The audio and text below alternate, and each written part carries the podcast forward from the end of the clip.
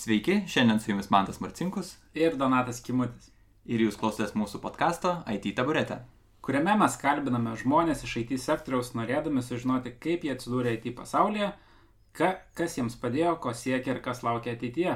Ir šiandien ant taburetės turime pasisodinę Danske Bank vyriausiai programinės sistemos inžinierių Mindaugą Paškevičių. Sveiki. Labas, Mindaugai. Tai gal trumpai papasakok pirmą apie save, be to, ką jau Mantas paminėjo. Taip, tai esu Mindaugas, programuotojas, man yra 30 metų, jau vat, įkopiau į trečią dešimtmetį. Uh, esu programuotojas, kaip Mantas paminėjo, ir šiuo metu dirbu Danskiai. Mm. Programuoju JavaScript'u, laisvalaikiu mėgstu sportuot, lankau boulderingą, čia laipėjimas sienomis, pavadinkim taip. Taip pat labai mėgstu vandenį. uh, laisvalaikiu. Praustis, ta prasme. Ir praustis mėgstu, taip, bet mėgstu dar ir e, nardyt, tiek, tiek su snorkeliu kažkur tais nuvykęs, a, tiek, a, tiek giliau į nert kur nors. Ir taip pat naujas hobis neseniai atsirado, tai pradėjau mokinti surfint. Mhm. Ir jo, dabar laukiu, dabar, kada bus atostogos, važiuosiu surfint. Kiek giliausiai esi panėręs? Galiausiai apie 20 metrų. U, neblogai. Tai čia šiaip ar taip jau su aparatūra? Ne šiaip su, su aparatūra, taip. O ką gražiausio po vandeniu matai?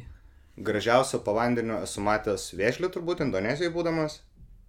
Tai buvo labai paprasta ir tuo pačiu smagi situacija. Taip įvyko, kad aš vienas išėjau paplaukiot, nes draugė, su kuria mes buvom kelioniai, apsirgo, apsinuodijo ir aš turėjau tik tai snorkelį, ėjau ieškoti, kas nuomoja lastus, Sus- susiradau a, vaikinuką, kuris tą, tą, tą daro, išnuomavo man lastus. Ir tiesiog vienas įbridau į vandenį, truputėlį pasiplaukiau, gražu, ten viskas vanduo skaidrus, kaip turi būti. Ir pasukau galvą ir matau vėžlį ir aš turėjau dar e, šitągi GoPro. Mhm. Nu tai kartu su vėžliuku mes ten pasiselfinom ir pasifilmavom. Cool. E, gerai. Tai, nu, gal tada tęskime, gal paskui grįšim tikriausiai prie hobių. E, kaip prasidėjo tavo pažintis su programavimu? Nes vis tiek apie programuotojas, tai tą kelią savo. Jo, iš tikrųjų vakar e, prieš miegą dar bandžiau istoriškai per Messengerį atsikasti, em, kada gavau pirmus pinigus už įvykdytą projektą, bet tada pagalvojau, kad pažintis su programavimu tai iš tikrųjų labai seniai prasidėjo. Gal man kai buvo, nežinau, buvau tikrai pradinėse klasėse, mes turėjom, mes mokykloje turėjom kaip ir sustiprintą informatiką, nežinau, ar, ar toksai buvo, bet e, buvo taip, kad mes turėjom labai e, naujovišką kompiuterių salę. Mhm. Ten buvo daug kompiuterių ir aš nežinau, ar tai prasidėjo darželį, bet darželį mes, nes mano mokykla buvo darželis per brūkšnį mokykla. Ir mes būdami darželį už gerą elgesį galėdavom gauti talonų, kuriuos galėdavom, išsimainyti ten kokią valandą praleisti prie, prie kompiuterių. Ir tuo metu kompiuteriai buvo, nebuvo kažkas labai ypatingo, ten būdavo vienas kitas dosinis žaidimukas, ten koks nors Prince of Persia ir panašiai. Bet mane kompiuterio mokytas supažino su tokiu dalyku logo writeris. Mhm. Nežinau, ar teko jums tokį girdėti. Esu matęs. Ne? Jo, esmė tokia, kad tu valdai vežliuką, jam išeindamas komandas kaip komandinė eilutė, rašai PR100, jisai 100 pikselių į priekį paina, leidai jam pasisukti. Tai va, tai čia buvo mano tokia pati pradžių pradžia. Tai pirmas achievementas buvo nupiešti kvadratą, po to trikampį, po to skritulį. Mhm. Nu ir po to ten jau supratau, kad galima skritulį nepiešti tik tai, ne tik tai ten kelis kartus tą pačią komandą kartojant, bet ir pada, padaryti ciklą, kad ten kartoti ten N kartų, Mhm. paik į priekį, pasisukti tiek laipsnių ir ten visokių gražių figūrų išpaaišydavo tas vežliukas, tai man tas visai labai patiko. Tai čia buvo tokia pati pradžių pradžia. Po to, kai prasidėjo pas mus informatika, aš irgi dabar nepamenu, kelintoj klasėje, bet kažkas apie penktą galbūt klasę. Mes turėjom labai fainą informatikos mokytoją, jinai mane supažino su Turbo Paskaliu. Mhm. Ir irgi buvo viena iš, nu čia jau pirma pažintis su normalia programavimo kalba ir pamenu, iš pradžių tai būdavo tokie, kur nusiskaitai ten iš prompto du skaičius, juos sudedi, outputini rezultatą, po to ten prasidėjo bandymai visokias trivijas daryti, ten pasidarai ten kokį 20 klausimų ir tada duodi kam nors, kad ateitų, kad atsakytų, ten pasirinktų multiple choices. Tai va, jo, tai čia buvo, kiek, kiek anksti prisimenu, va tokios va programavimo užuomaskas. Mhm. Na, o po to tai turbūt paauglystėje prasidėjo žaidimai, į programavimą labai kažkaip ne, nebuvau paniręs, bet dabar prisimenu, kad buvo toksai žurnalas Hackeris, Mhm. nežinau, ar, ar teko jums, jums skaityti. Ne, neteko. Jis buvo popierinis žurnalas, aš nesu tikras, kas įleisdavo. Šiais laikais jau reikia pabrėžti, kad tai popierinis žurnalas. Taip, popierinis žurnalas ir aš labai prašydavau tėvų, kad nupirktų, jisai, ne, nepamenu, kiek dabar kainuodavo, bet prisimenu, išsikaulydavau ir skaitydavau, aišku, nieko nesuprasdavau, pamenu, kad ten, pasak, ten būdavo High Tech News vienas skyrius, pamenu, apie tai, kaip MP3 grotuvas yra kažkoks, kuris jau gali 64 megabaitus, at, turi šiam 4 megabaitus atminties, arba ten kokią nors galingesnę vaizdo plokštę su 8 megabaitais e, atminties. Jo, ir ten būdavo e, įvairūs straipsniai, ten kaip, kaip daryti įvairius, dabar pamenu, SQL injection atakas, ten kaip kukius vokti ir ką, ką su jais galim padaryti. Ir pamenu, pirmas mano toks hakinimas, pavadinkim, tai buvo nusikrekinti Vindrarą, kad kai paleidai Vindrarą neišmestų tos, e, to, Aha. to dialogo, Free kad trial. susimokėti jo. Tai, tai aš tuo metu jaučiausi jo labai hakeris, nors iš tikrųjų nieko nesu, nesupratau.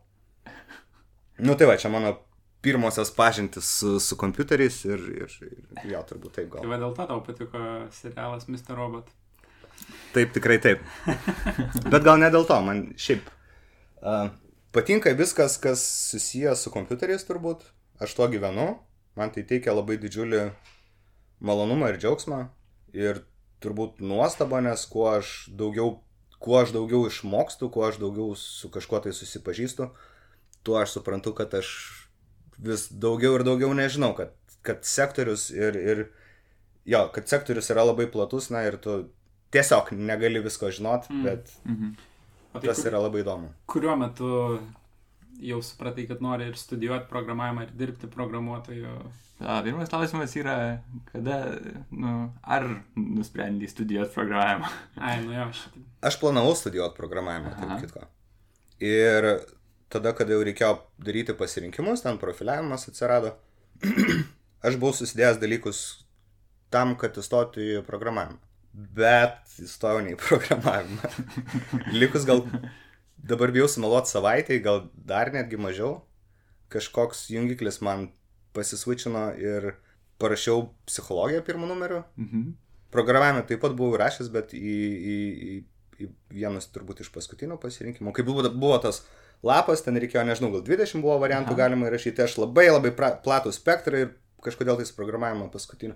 Aš netgi berots tas mokslas, kur orus prognozuoja žmonės per žinias. Meteorologija. Meteorologija, taip. Tai va, netgi meteorologiją buvau rašęs, pamenu, aukščiau už programavimą. Ir, ir kėliau skirtingas teorijas, kodėl.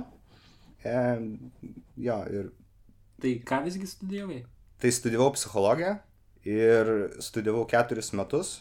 Na ir po to vis tiek galų gale vis, vis manęs nepaleido IT sektorius. Aš būdamas gal trečiam kursė jau pradėjau dirbti iš pradžių tokį labiau, labiau promo darbą su išmaniom, su mobiliom aplikacijom, kadangi tai buvo tik tai pats tas, e, ta pati pradžia išmanių visų technologijų ir, ir, ir mobilių telefonų, smartfonų. Ir jo, tai tuo metu dirbau truputėlį Omnitelį, jie turėjo tokį padalinį, kuris dabar nepamenu, kaip tiksliai vadinosi, bet tikslas buvo promint išmaniosius telefonus ir, ir pažindint vartotojus su tuo, kokias galimybės gali tos e, mobilios programėlės suteikti.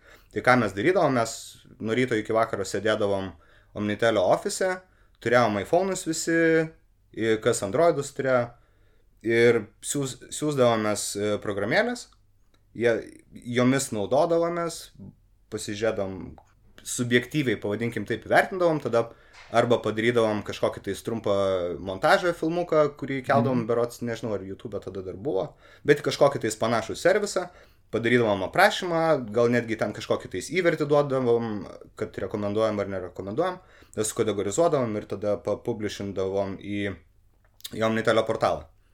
Jo, tokie bet... app revieweriai. Jo, bu buvom tokie aplikacijų revieweriai, teisingai. Mhm. Tai čia jau po to, kai nusprendė, nu, pasikeisti profilį iš psichologijos į, į programavimą, pradėjai, va šitas prasidėjo, o kaip tada tas tikras programavimo darbas, iš kur? Kada? Kada jau nusprendė, kad gal jau reiktų, gal aš noriu jau labiau eiti, grįžti prie šaknų, kaip čia buvo nuo antro, antros klasės? Jo, tai kaip ir minėjau, aš pradėjau dirbti su, buvau labai šalia to viso IT sektoriaus, mobilios programėlės, programavimas. E, tuo tarpu dar dirbau e, tokioj įmoniai, tokiam startupė, kuri vadinosi Appcampus, kurie e, darė irgi išmaniasias programėlės. Aš tenais dirbau su pardavimais, ruoždavau pasiūlymus, vykdavau pas, pas klientus, bandydavau pardavinėti tos aplikacijas.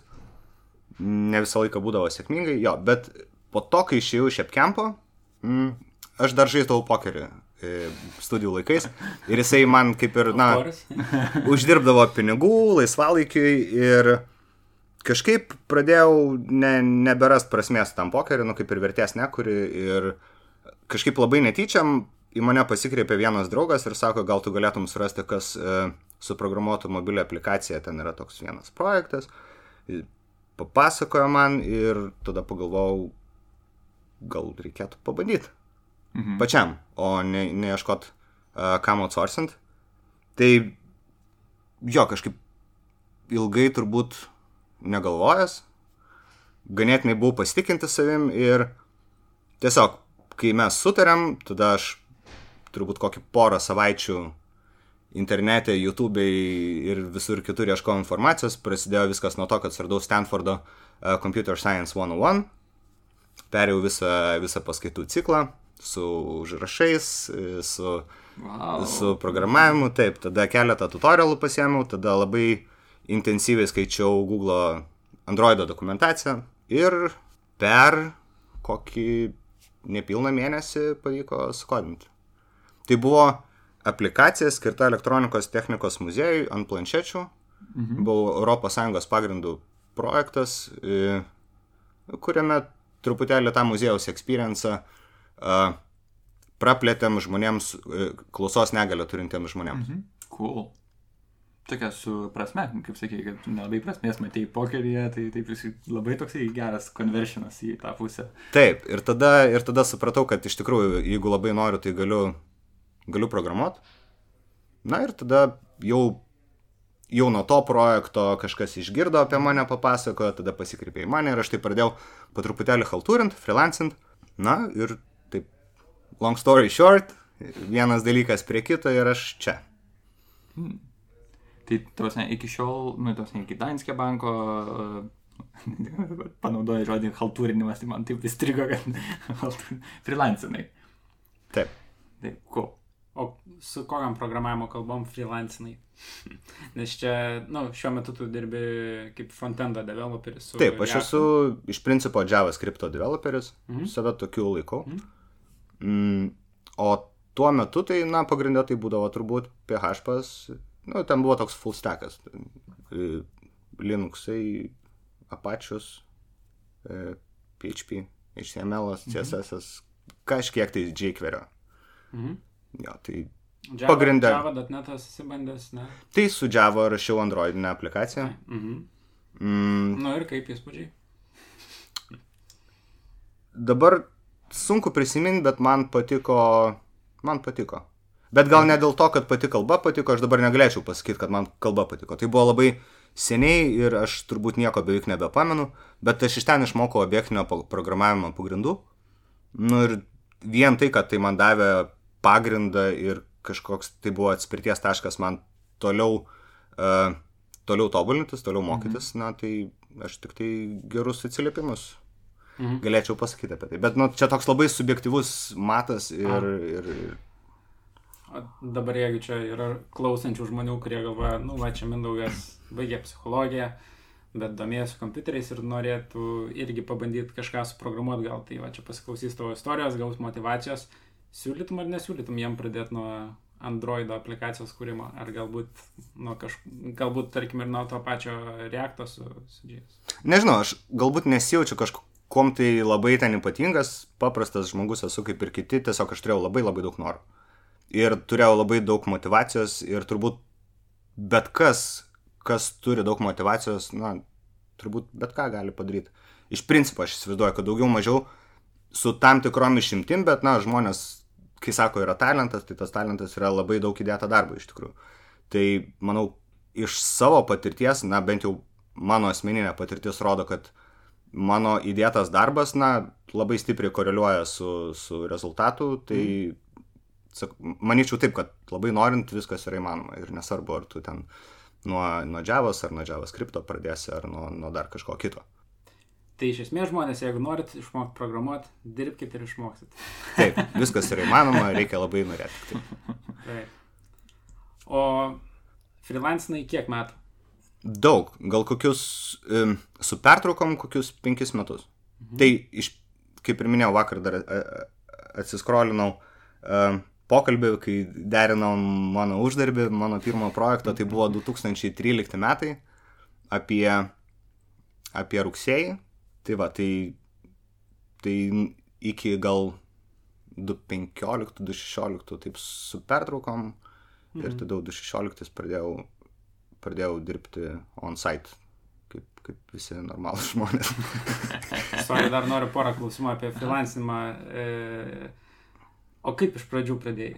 Tai tau ateidavo projektai ir tu ieškodavai projektų? Taip, man kažkaip labai su tais projektais pasisekdavo, kad padarai vieną projektą, tada kažkas kitas pasikreipia, nes va, gerų žodžių paminėjo, kad padariau tą projektą, nu ir toksai, tokia grandininė reakcija kaip ir būdavo.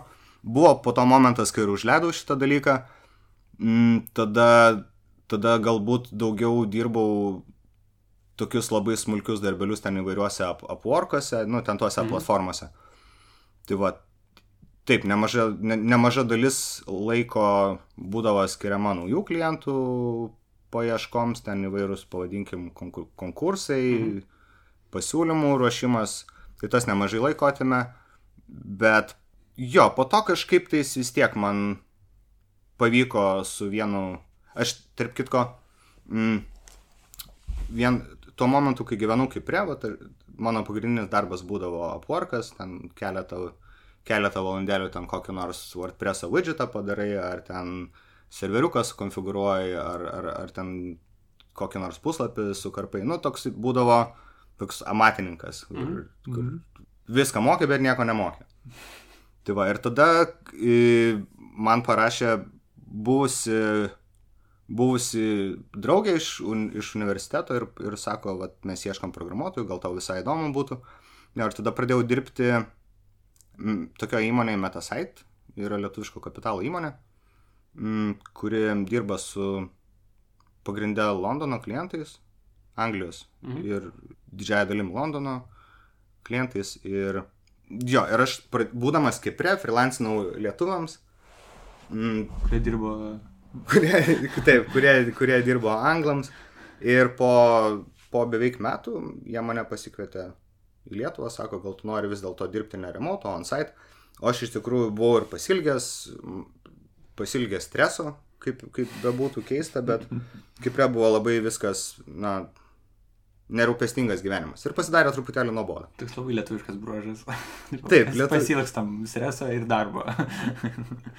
Taip, lietuvių reikia, reikia stresuoti nuolat. Tu, va, tai grįžau į, į Lietuvą, tai dar metelius padirbau metasaitę ir, ir tada į pradėjau dirbti Danskį. Mhm. O freelancinamas buvo projektų, kuriuo atsisakėjai? Taip. Dabar nepamenu. Ir ypač tas laikotarpis, kai dirbau apvarkę, na tai ten būdavo daug tokių pasiūlymų, kur reikdavo ten, kur užsakovas norėdavo, kad sukodintum jam aplikaciją ten už 150 eurų. Na, na, natūralu, kad tokių pasiūlymų mm. paprasčiausiai atsisakai. Nerealistiškai atrodo. Ne. Taip. E, gerai, tai nu, grįžtant galbūt vėl prie pro projektų, aš nežinau, gal da, dabartiniai darbai, kuriuos darai, yra sunkiausi, bet e, nu, koks nors įsimintinas projektas, nu, galbūt jau pasakoji apie patį pirmą, kuris mhm. buvo tas su e, technikos muziejumi, bet koks nors kitas didelis arba sudėtingas, kas buvo tokio, ką darai. Į galvą šauna gal ne tiek, kiek sudėtingas, kiek įdomus ir anksčiau nedarytas. Tai man prieš kokius pusantrų, du gal metus teko daryti vizualizaciją naudojant, naudojant FreeJS biblioteką, mhm. kuri skirta dirbti su 3D Aha. vaizdu, su WebGL technologija.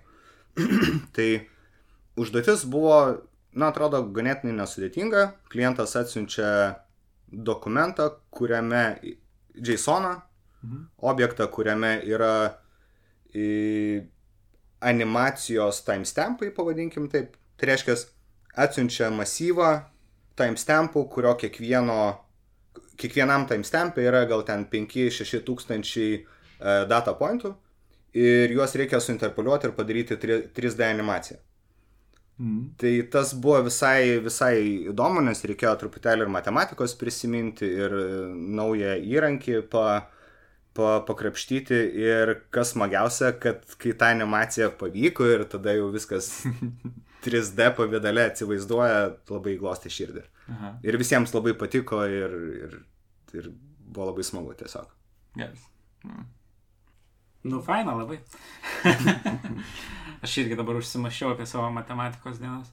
Uh, gerai, bet gal tada pakalbam apie tavo dabartinę rolę ir programavimo kalbą, su kuria tu dabar dirbi. Tai mes tave pristatėm kaip uh, vyriausiai programuotoja, bet iš esmės tu dirbi su frontendu. E, Taip. Tai kur prasideda, mindaugai, frontendo developmentas ir kur jis baigėsi? Tai ką reiškia, kad tu esi frontendo developeris?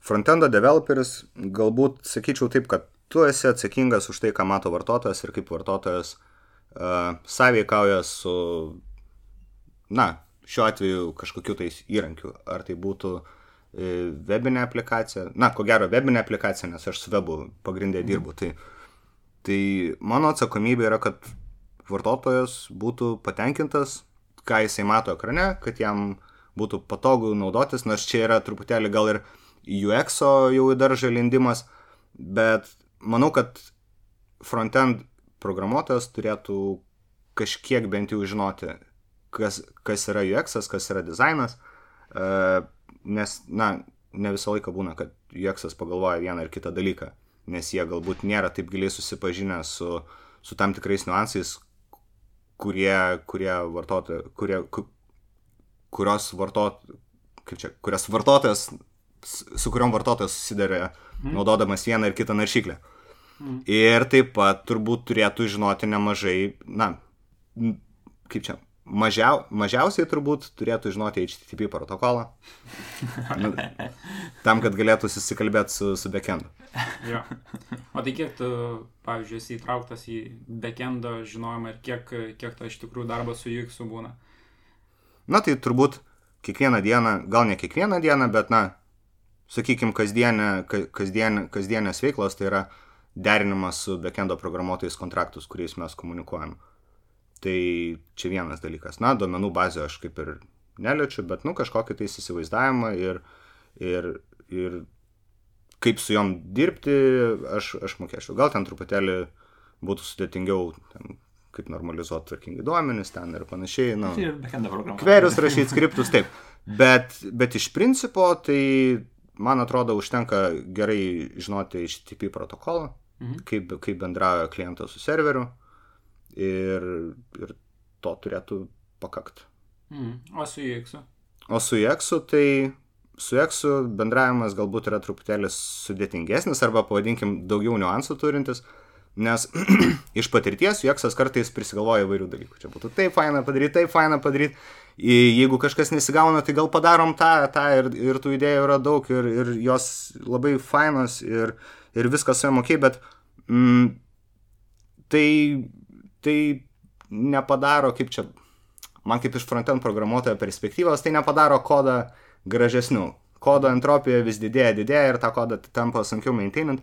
Dėl to kartais e, tenka truputėlį papushbackinti UX-eriam ir sakyti, na, mes turim ten tam tikras taisyklės, kaip mes validuojam formas, kada mes parodom e, klaidas e, įvesties laukų, kada, kada mes jų neparodom. Ir kiekvienas, nu, kažkok, kažkoks tai, naujas, nežinau, exceptionas, kažkokios tai naujos išimtis, nu, vat, jas reikia derinti ir sutarti, kad, kad racionaliai, vat, kartais pasakai, gal ženkim žingsnį atgal ir permastom, kaip iš tikrųjų turi vienas ar kitas dalykas veikti. Gal mes kažkokią tai pirminę prielaidą padarėm blogą, dėl ko mes dabar bandom ieškoti visokių išimčių. Nu ir kart, kartais taip ir įvyksta. Tai, tai taip, daugiau niuansų yra tarp UX turbūt ir frontendo, nes, na, tai gal daugiau persidengimo tarp šitų dviejų e, specialybių yra. Su backendu yra paprasta. Susiderinti interfeisus ir, ir, ir, ir... Mažiau spardasi. Ir tikiesi, kad, kad padarys taip, kaip, kaip sutarėm. Na jo, turbūt iš patirties backendo developeriai mažiau šneka negu UX. -o. Nu, nežinau, ar taip yra. Ar tikrai backendo mažiau šneka. Aš nežinau, aš backendo developeriais labiau pasitikiu, gal taip sakykim. Tai gal dėl to, kad daugiau struktūrom galvoja. Taip. ne, Kūrybinis tas laisvas pamastymas. Bent jau man taip atrodo. Na, aš backendo developeris, tai tik tai savo stovyklą galiu savot. Ja, gal nediskriminuotume šiuo, šiuo metu žmonių, kurių nėra šiame kambaryje. O kokius įrankius mindaugai naudoji e, frontendo programavimui? Na tai galbūt pradėkim nuo kompo. Tai naudoju laptopam, naudoju MacBook Pro 15, tą, kuris neturi escape mygtuko, tai teko remepinti escape į caps locką ir labai rekomenduoju visiems, kas turi Macus tą padaryti, nes tai yra tiesiog puiku, labai patogu mažajam pirštukui. Tai truputėlį gal tiek, o šiaip tai, nu ką, aš naudoju ir te- terminalą kiekvieną dieną. Uh, IDE yra mano webstormas. Aš su juo, aš pradėjau turbūt nuo PHP stormo. Tai taip labai natūraliai mm -hmm. į, web, į webstormą perėjau. Dėl principų viską, viską pagalvoja, tai Taip, Na, šiuo metu turbūt grinai apie viską.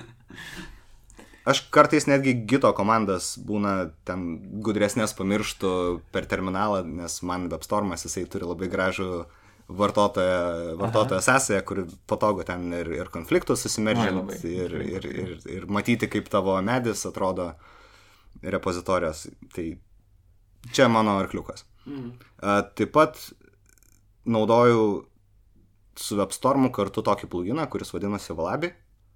Jis yra toksai test runneris, kuris pagražina IDE su, su užuominom į tai, kas yra ištestuota, kas neištestuota. Jo veikimo principas nėra, nėra jisai kažkoks labai, uh, sakykime taip, sofistikuotas. Jeigu tavo kodas, uh, kaip čia, kai, kai tavo kodas vykdomas, jeigu jeigu ten, nežinau, pavadinkim, hit, aš nežinau kaip lietuviškai, bet jeigu hitina kažkokį tais branchą, na, tai parodo, kad jisai ištestuotas, nebūtinai ta kodo dalis būna ištestuota, bet jisai turi labai gerą vizualinę užuominą į tai, kaip, kaip tavo kodas apskritai uh, atrodo.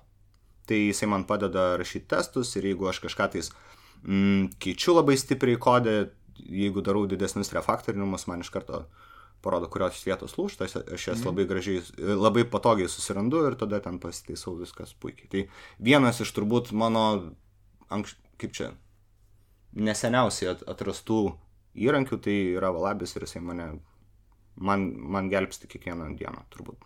Jo, tai čia apie, apie idėją. Nu, tai tada dar yra Naudas, GitHubas, Jira. Jira, Spotify'us. Tai, na, tokie, sakykime, stand, standartiniai įrankiai frontend programuotojo kasdienybėje. Užsiminėjai apie testavimą. E, kaip, kokia tavo nuomonė frontende testavimas, kaip vyksta. Aš, aš iš backendo pat, nu, patirties, tai ten viskas labai paprasta, įeini ir išeini ir tas, nu, kodas labai atrodo, nu, ne, nerodomas niekur, jis tiesiog yra kažkur paslėptas ir ranina taip tiesiai ir viskas ten atrodo dėžutėse paslėpta ir viskas.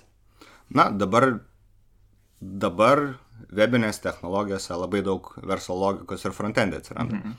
Tai ta verslo logika, bent jau kritinė, tai pasidengti testais yra būtina, manau, nes, na, jeigu yra kažkoks kritinis funkcionalumas, kuris tau nugrius, tau nežinant, tai bus labai blogai. E, taip, bet tuos kritinius turbūt, kritinis funkcionalumas gali būti ištestuojamas end-to-end testais, jie yra lėtesni, bet jie, bet jie užtikrina, galbūt netgi labiau testuotojams duoda kaip čia confidence ar kaip lietuviškai pasakyti šitą. Pasitikėjimą taip, kad, kad tas kodas ne, kad kažkokie tais nauji pakeitimai ar, ar, naujas, ar naujas funkcionalumas nesugriaus seno funkcionalumo. Tai va, o šiaip tai, na, mes pas save komandoje stengiamės rašyti funkcinį kodą ir laikyti verslo logiką funkcijose, kurios yra pure, kurios nekeičia, nekeičia aplikacijos būsenos ir dėl to jas yra lengva ištestuoti. Mm. Ir mes stengiamės šitą paterną naudoti ir, ir kol kas liktais atrodo sėkmingai visai gaunasi. Kokius frameworkus naudojat, ar tiesiog pure function testing ir... Naudojam tą įrankių dėžutę, kuri ateina su Reactu. Tai standartiškai yra Jestas, tai mes Jestą ir naudojam. Ir React testing, testing tools, parods, taip vadinasi. Mm. Nu, bet ten jau turbūt gal e, kažkokius tai įmantri, įmantresnės interakcijas ten, jeigu reikia kažkaip labai ten, tarkim, sąlygi, tam tikrom sąlygom atvaizduoti ar netvaizduoti vieno ar kito komponento, nu, tai mes tada pasirašom tokį testuką, kur virtualiai išrenderinam komponentą ir tada vykdom kažkokius tai įvykius ten, ar paspaudžiam mygtuką, ar ten pa, pafokusuojam įvesties lauką, nu ir tada patikrinam, kaip, kaip tas e, elementas elgesi.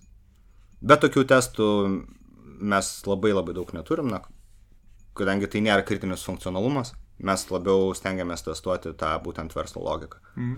Kadangi mūsų mm, sektoriaus specifika yra, na, kad turėtų, teoriškai viskas veikti turėtų nepriekaištingai, kad, re, e, na, kad nedaug dievė apsiskaičiuosi kažkurioje tais vietoje bus labai blogai. Tai, tai dėl to mes stengiamės ir koncentruoti testus būtent į, į tas dalis, kurios yra kritinės. Ar dažnai būna ginčių komandai, kas yra kritinė vieta ir kas yra nekritinė vieta? Nežinau, kažkaip mūsų komanda ganėtinai gerai sutarė ir manau, kad jeigu bent vienas išreiškia susirūpinimą, kad kažką tais reiktų patestuoti, tai yra labai sveikintina iniciatyva, nes neretai žmonės darydami kažką pamiršta parašyti testą, nu, nes kartais patingi, kartais laikas paspaudžia, tai, tai šitoj vietoj ginčių tikrai jokių nėra ir jeigu tik tai reikia, reikia rašyti testus, rašom testus, viskas tvarkoja. Hmm. O kaip, davasme, aš kaip programuotojas, nu, kai pradėjau dirbti programuotojai, tai man testavimas buvo nu, toksai a chore, nu, taip aš vargdavau, kad reikia prie... Ar tau, ar tau buvo tokia patirtis, nu, tos, ne? kada persivertė tas, kad jau viskas reikia dabar? Ar buvo tas, ta akimirka? Geras klausimas. Iš tikrųjų, aš esu labai, aš esu tas žmogus, kuris, kaip čia visiems sako, kad testavimas yra gerai, kad reikia rašyti testus, bet ne visą laiką pats e, šitą praktiką vadovaujas.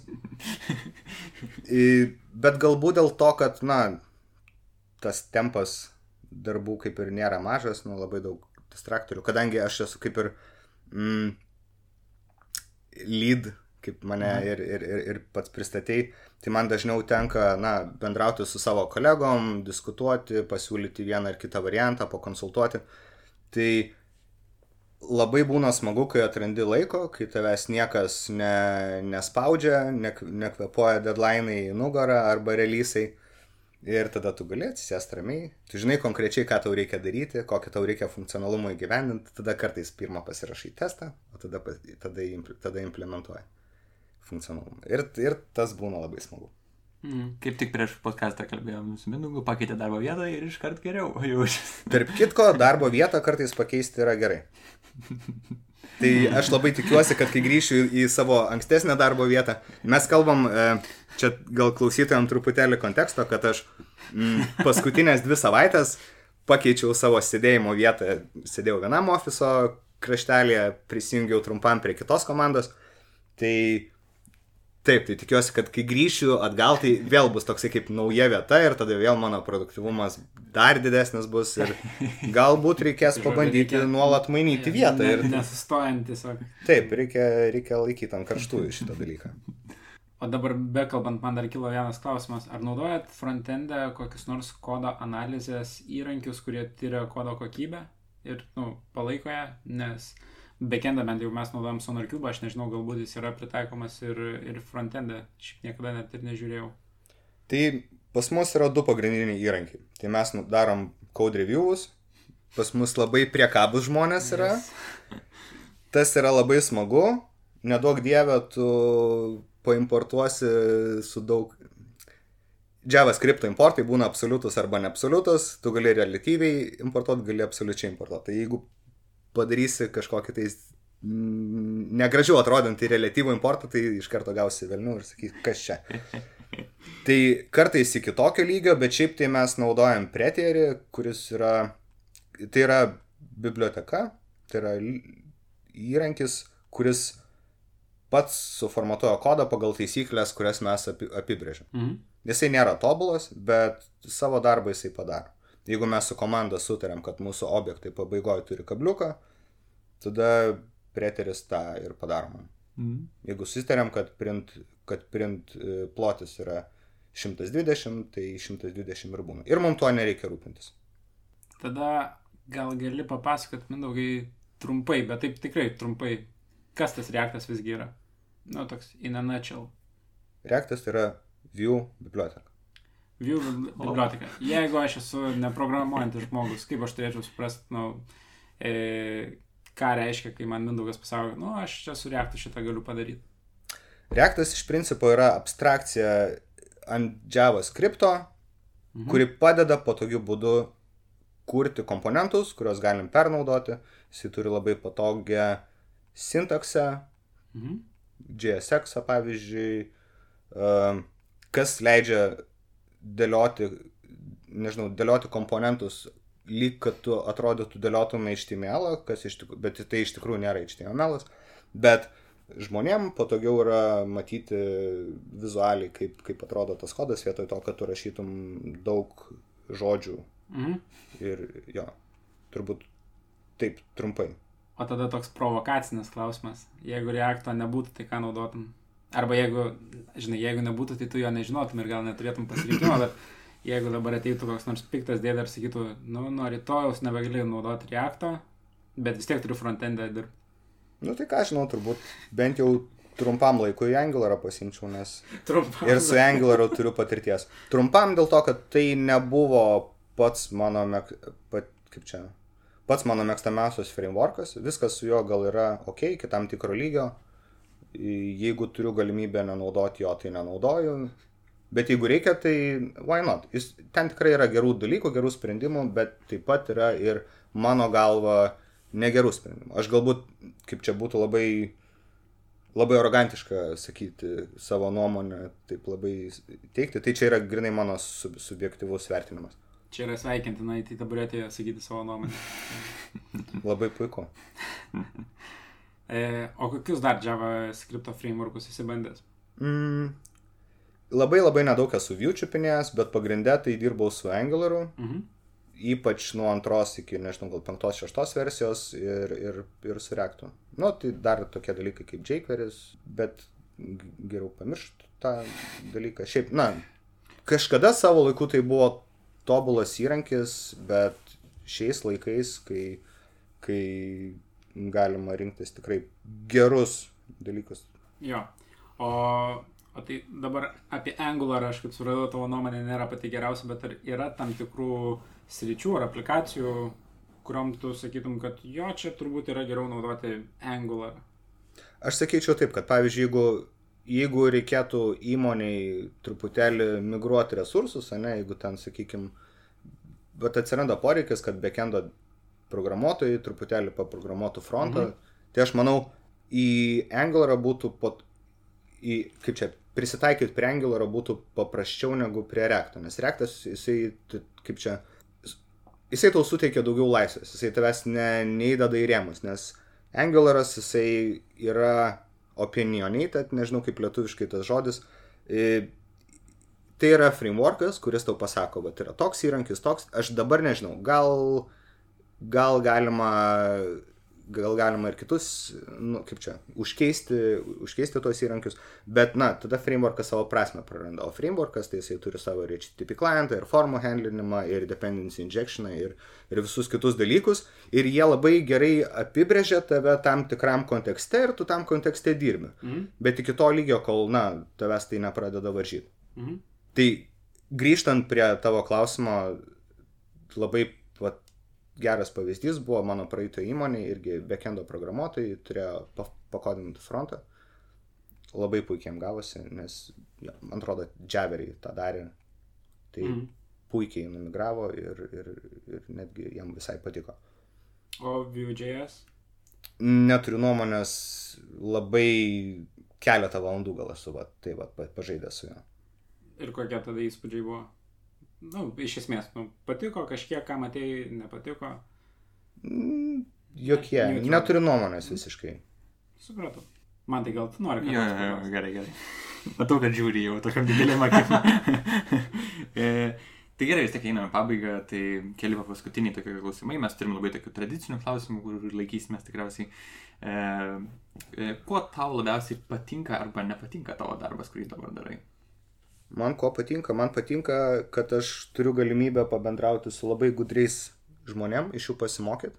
Ir čia turbūt pagrindinė nauda. Man, man patinka mokytis ir aš tengiuosi tas žinias pritaikyti ir bent jau atrodo, kad kol kas sekasi tą daryti.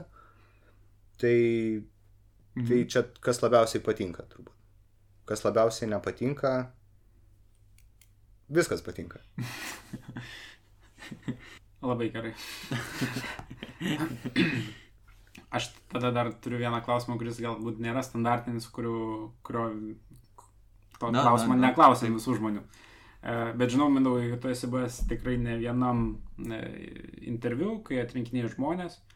Ir e, gal turi kažkokių taisyklių, ar, ar kaip tu, pavyzdžiui, pajauti ir ar pavyksta, tiksliau, netgi atskirti gerą frontendo developerį nuo apsimetančio geru. Tai paprasčiausia turbūt yra pasižiūrėti žmogaus kodą, kuris yra parašęs. Ir tada labai nesunkiai galim pamatyti, nu, kaip žmogus gaudosi, ar jisai naudoja e, kažkokius tai paternus. Vis tiek kiekvienas mhm. programuotojas turi savo braižą, plus minus, nu ir galima pamatyti, kur jisai stipresnis, kur, kur, kur ne, ar apskritai jisai e, elegantiškai programuoja, kaip aš mėgstu dažnai sakyti. Mm, iš gyvo pokalbio galbūt kartais yra sudėtingiau, būna įvairių situacijų, o aš ne per seniausiai turėjau vieną, kur užduodi žmogui klausimą ir jisai aplinkui malą, malą, Mhm. malą, malą, malą, malą ir po to pasako galų gale. Ir tada aš nebesuprantu, ar tai iš tikrųjų tu žinai ar ne. Ir gal Bet iš tikrųjų nėra lengva. Jo, bet čia... Bet iš kitos pusės, nu, visą laiką galima klausti kažkokių tais, nežinau, frontend, frontendai yra labai daug greblių. Kai, kai pradėjau programuoti, žingsnis greblys, žingsnis greblys, žingsnis greblys. Dabar aš jau žinau, kur tie greb- grebliai plus minus randasi. Nu tai va, tai keletą grebliukų užklausi, jeigu žmogus turi patirties, tai dažniausiai jisai automatiškai atsako. Jeigu, jeigu bando kažkaip save geriau parodyti, na tai turbūt ir pasimato tada. O labai kreipi dėmesį į asmenybę e, techninio pokalbio metu, nes ma, aš irgi esu pastebėjęs tą vat, e, žmonių malimą, malimą aplinkui ir tik galiausiai ein- ėjimą prie, prie to, ko tu paklausai. Ir, ir tas kartais indikuoja, kad e, galbūt ir, nu, ne, nežinau.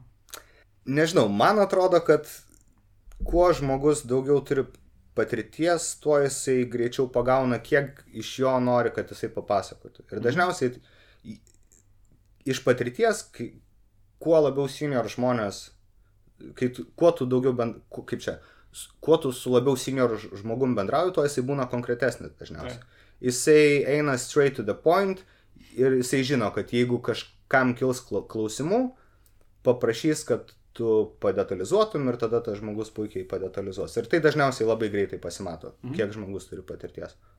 Vat, o tuos, vat, kur žmonės aplinkui ratais vaikšto aplink klausimą, nu, galbūt kažkokias išvadas iš to irgi galima pasidaryti. Bet čia dar galima turbūt būtų žiūrėti ir į kultūrinius skirtumus, nes turbūt su, tu ką dabar pasakyti, galbūt galioja labiausiai lietuviams, bet tikrai yra tam tikrų kultūrų, kur, Oi, kiek priešnekės, tik tu jam leisk. Galbūt. Mhm. Neturiu daug labai patirties su tarp kultūriniais, in, techniniais interviu, bet, na, gal kažkiek yra tendencija, kaip, kaip, kaip pats sakai. Jo, ko gero. Trūksta patirties tame dar. Gerai, ir tada paskutiniai du klausimai. Tai toksai, aišku, jisai būna dažnai sudėtingas, nes toksai mistinis ir labai sunku yra numatyti, labai ateitį toli. E, kur save mindaugai matai ateityje? Ar esi galvojęs? Ar turi penkių metų planą? Taip, bet jeigu pasakysiu, tai neišsipildys. Uh, trumpo laikotarpio planas tai tam, atlikti tam tikrus darbus Danskiai. Iš tikrųjų turiu idėjų ir, ir labai tikiuosi, kad man tas idėjas pavyks realizuoti. Kai kurias jau pavyko, kai kurios dar laukia savo valandos, Mhm. mhm. bet manau, kad bent jau artimiausio laikotarpio planas tai vat, būtų toksai. Apie ilgą laikotarpį galėsim kitą kartą pašnekėti. Gerai. Ir e, tai jau paskutinysis klausimas man tai. E, tai kokią knygą parekomenduotum? Techninė ir knygas. Jeigu, jeigu nori, gali Gerai, vieną parekom... vieną taip, grožį. tai parekomenduosiu vieną techninę. Tai būtų Martino Fowlerio Refactoring. Nauja versija, jisai kaip tik išleido praeitais metais e, nau, atna, atšviežintą tos Edition. knygos versiją, taip, su JavaScript pavyzdžiais. Tai labai rekomenduoju per, persiskaityti. Visiems developeriam ar tik su JavaScript dirbančiam? Tai turbūt, kad visiems būtų naudinga, gal, tarkim, backenderiam būtų naudingiau paskaityti prieš tai buvusią versiją, nes ten su Java berots yra pavyzdžiai. O iš grožinės literatūros, na tai raganių. Turbūt parekomenduočiau, čia dabar toks visai populiarus dalykas yra. Ir tarp kitko labai gera knyga. Dar nepabaigiau skaityti, dar tik tai pradėjau, iš tikrųjų, gal įpusėjau. Tai tikrai rekomenduoju. Cool. Tai gerai, ačiū Mindaugai už labai fainą pokalbį, už pasidalinimą patirtim. Ačiū labai, kad pakvietėt. Ir ačiū Jums, kad klausėte podcastą. Jei patiko, ką girdėjote, prenumeruokite, komentuokite ir ačiū už Jūsų paramą. Čia buvo Mantas Marcinkus. Mindaugas Paškevičius. Ir Donatas Kimutis. Ačiū ir iki kito pasimatymo.